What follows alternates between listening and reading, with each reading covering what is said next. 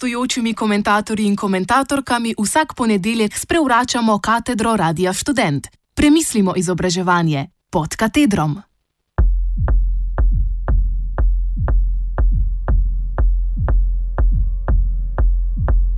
Križišča visokega šolstva.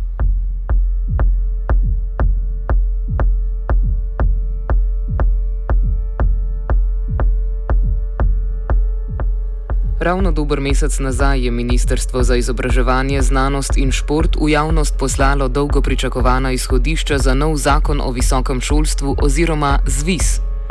V podrobnosti izhodišč se tokrat ne bomo spuščali, saj smo jih že podrobno obdelali. Namen prispevka je predvsem postaviti vsebino teh izhodišč v širši družbeno-politični kontekst pri nas.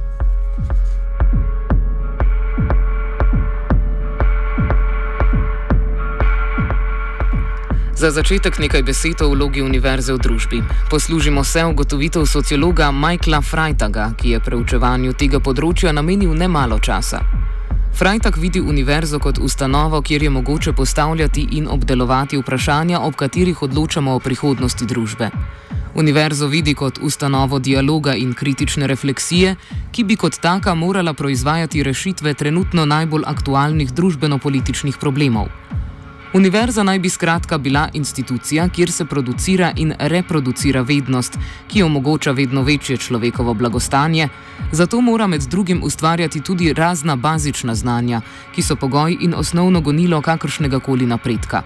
Ali kot zapiše Rastko Močnik, od zgodovinskega preživetja univerze je potem takem v marsičem odvisna naša prihodnost. Mislim, da se s tem lahko vsi strinjamo. Kako se pa vprašanje visokega šolstva dojema v slovenskem političnem prostoru?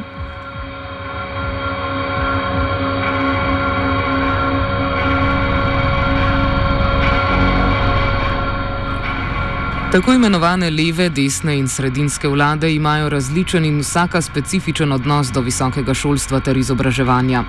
Če so v času Jančevih vlad rasle zasebne šole kot gobe podežil, imamo tako imenovane leve oziroma levo-sredinske vlade drugačen pristop. Ekipa sedanje šefice Ministrstva za izobraževanje, znanost in šport SMC-jeve Maje Makovec Brenčič in pa ekipa njenega predhodnika SD-jevca Jrneja Pikala imata zelo podoben pogled na to področje in z njim povezane ideje. Še najbolj jasno pride to do izraza v raznih zakonih, novelah in podobnem. Kar jim je skupnega, je strastna ljubezen do vsega, kar je povezano z gospodarstvom. Gre za dogmatično držo v razmerju do ekonomije, do katere so tako strastni, da bi tržne mehanizme integrirali v sfero šolstva.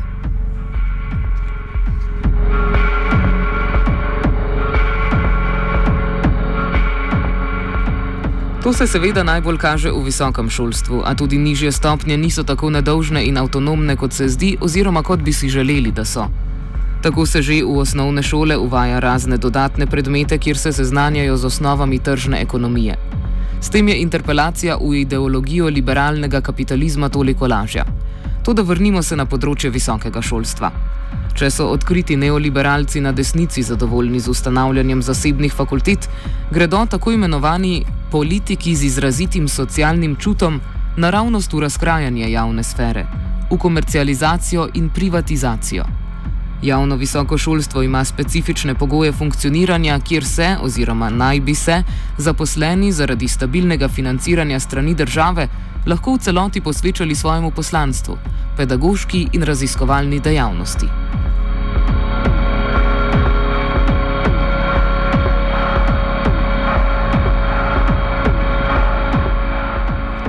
Poleg zaposlenih so tu seveda še študentke in študenti.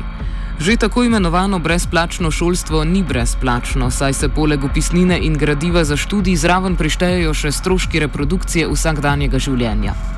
Že ob tem brezplačnem študiju je veliko študentk in študentov prisiljeno ob študiju opravljati v večini primerov prekerno in izkoriščevalsko študentsko delo. Čas, ki se ga namenja študiju, se tako konstantno manjša. Zaposleni na univerzi pa so soočeni z rigidno strukturo akademske sfere, v kateri zaradi močno utrjene hierarhije oziroma odnosov moči trčijo ob številne ovire, ki jim onemogočajo normalno preživetje in osredotočanje na njihovo primarno poslanstvo, že omenjeno poučevanje in raziskovanje.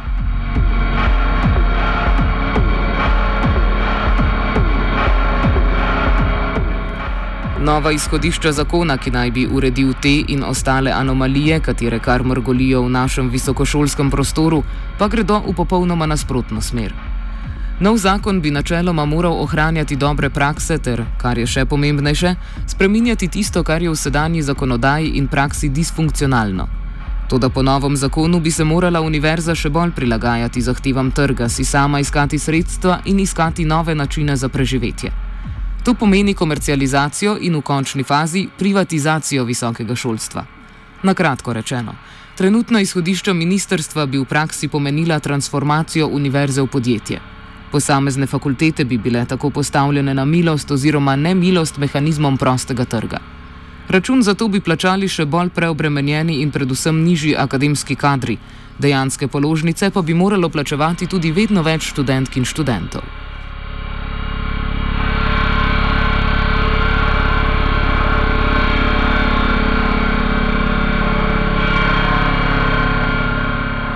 A tu se problematične zadeve ne končajo. Takšne prakse vodijo posledično tudi v transformacijo samih znanosti, ki se producirajo in reproducirajo na univerzah.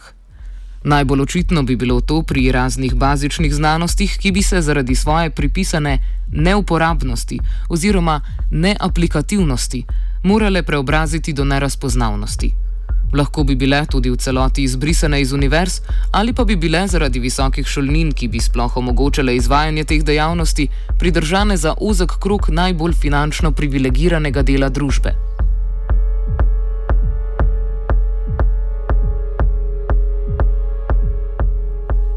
Nahajamo se torej pred odločitvijo, ki bo vplivala na prihodnost človeštva, družbe kot take. Bomo dopustili transformacijo univerze v podjetje oziroma privatizacijo visokega šolstva in s tem uničili znanosti ter jih predelali v tehnoznanosti, ki bodo obstajale le kot dekla nenehno spremenjajočih se zahtev gospodarstva? Bo univerza služila izključno za produkcijo kadrov s specifičnimi kompetencami, ki bodo prispevali le k reprodukciji obstoječih razmer in odnosov moči? Ali pa bomo to zavrnili, ustrajali pri refleksiji, razvijanju bazičnih znanj, kritični analizi, kakovosti predavanj in brezplačni ter vsem dostopni univerzi? Kot vidimo, gre tako za epistemološko kot politično vprašanje. Smer, v katerega bo šla zakonodaja, bo neposredno vplivala na vsebino in dostopnost študija.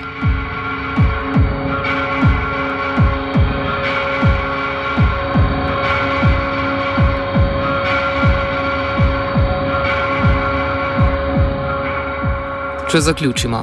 Mislim, da vsebina izhodišč za nov zakon o visokem šolstvu ne preseneča nikogar. Neoliberalna vlada sledi neoliberalnim tendencam, kar je logično. Prav tako pa tudi vlade oziroma Ministrstva za izobraževanje, znanost in šport ne bi smel presenetiti odpor kritičnih študentk, študentov in zaposlenih na univerzi.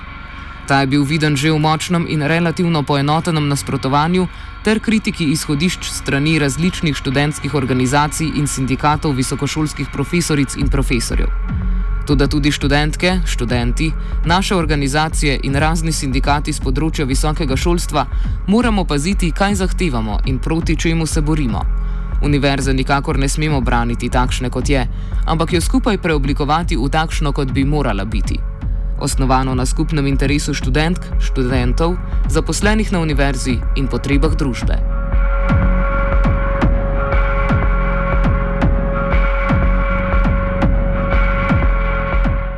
Glede prihodnosti visokega šolstva je rahlo zaskrbljen Tine.